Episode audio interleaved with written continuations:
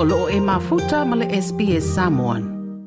E ono wha opopole au wha i o tangata e whaatanga no malanga mai i au stadia e whainga anuenga, ma no fuma wai mai e ono o atu.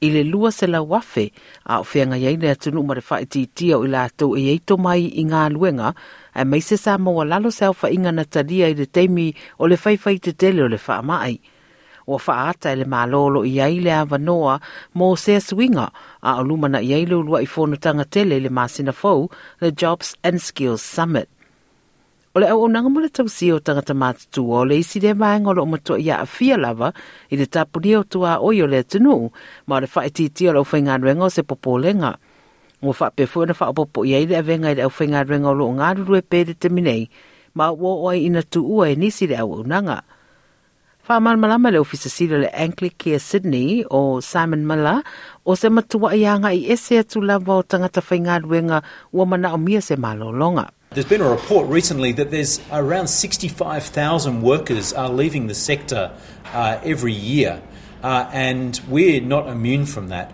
So we're seeing people leave the sector. It's been a tough time, uh, and we need to fill the gaps.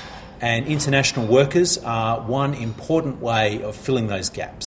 O le taunu mai o seisi vai ngā tele o tangata whainga ruenga i eito mai au au nanga whapea o le amau ai se whesosoani.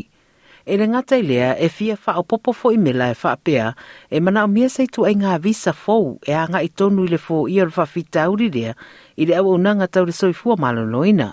We would be uh, very keen to see the government support the sector with specific visas for aged care. There will be a demand on the sector for more workers, and that means we need more international workers. We need a specific visa introduced in order to help fill that gap. E fōringa o lo ilo ilo le mālo le tūlanga i le si tia o le au whae o tangata malanga mai, po migrants, ma o loo whaatara noa se fwai numera e o o atu le rua se la afe o ni a manoa o ngā ruenga Brendan O'Connor e whaatatau whai o lea tūlanga e se tali o le toe titi o tangata whai ngā ruenga. We're open to making sure we supply labour and skills in this country. We understand, in fact, according to the OECD, Australia has the second highest labour shortage in the developed world amongst OECD countries. It's for that reason we have to find whatever means possible to supply skills to our labour market. Ao le o mai rewha ama i sa wha angata tangata malanga mai i lalo le whainga lea i le se lau iwa se furu afe. Ai o mai le rua afe furu iwa ua pa mai i le se lau ono se furu afe ma o i le tu mawai lava e o o mai i le teminei. E le au fia i le net migration o tangata o le au fai o tangata malanga mai to e se ai le au fai o tangata whaingaruenga e tue malanga e se atu ma le tunuu e o mai lai le temi nei o le temi o le whaama i wamatua i maua lalo lea o whainga ma ua whaama mawha e o kona le tā ua o le le na o le whaato sina mai o tangata whainga ruenga fōu e to mai i au setaria a ia whaato mowina fōi tangata whainga ruenga o lo o wai lea tunu le temi nei. Two things. One, obviously, allowing people to come into the country where there are acute skill shortages. And two, providing temporary visa holders a pathway to permanent residency that gives them obviously an opportunity. O le tulango migrant workers po tangata whainga anwenga malanga mai le tunuu mai lātou fo i e umia visa le tū mau o se popolenga le mo iuni le lo o lātou mata ibu mata wina i e tangata whainga anwenga whaavau malo. O Michelle O'Neill mai le Australian Council of Trade Unions sa ia malama le tūlanga.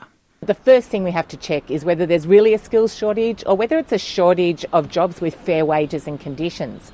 Too often employers claim a shortage, but really, uh, as we know, we've seen way too many temporary workers exploited and not given the wages and conditions that should be paid in Australia. o loo sila sila le malo o se whainga alua luma e inivesi ai, e una i le tamau ainga, tusa pe yeiso na afianga mō sina teimi puu i le talo le tupe. o le masina fo e whaatautai ai e le malo, the Jobs and Skills Summit lea, o le awhaatala no ai ma lea mata uputaua. O le senatoa Barbara Borkak, na ia wha mautua le a awai ai, i rea fo fwangalana maanga wha o le Greens, ma le a whaia fo iso lātou sao. Adam Bant and I are delighted to be invited to the Jobs and Skills Summit where we plan to put our ideas to the community about how to improve the lives of Australian workers. O le te tai le tuanga i Peter Dutton, na o ye te tai le vanga wha upwhai wa te ina sona no fua i lea wha singa, wha mai a ia e lei se au ngā o lea konferenisi. Na tali mai le national ni mata upu lea malango lango le fina ngalo wha o la lātou pa anga so wha pei tai whai mai le tai tai David Little o le a awai pea, ewi ilo na lango lango le wha mtalanga Dutton. We're two different parties. We're in coalition. Um, and I respect uh, the, the view of Peter Dutton. I think he's right. I think it's, it is a stunt, it is hollow, but I'm going to be inside there swinging for regional Australia. O le aso muamua la ma le lua o setema ma sina fau, la whataunuu ai le whaamoemoele nei le maota le palamene i Canberra. O le lipoti sa tu whaatsia Julian Oliet mai le SBS News ma ua whaaliwina mo lo si la fia i le foi ma ta upu like, share, ma faali sau finangalo, muli muli ile SBS Samoan ile Facebook.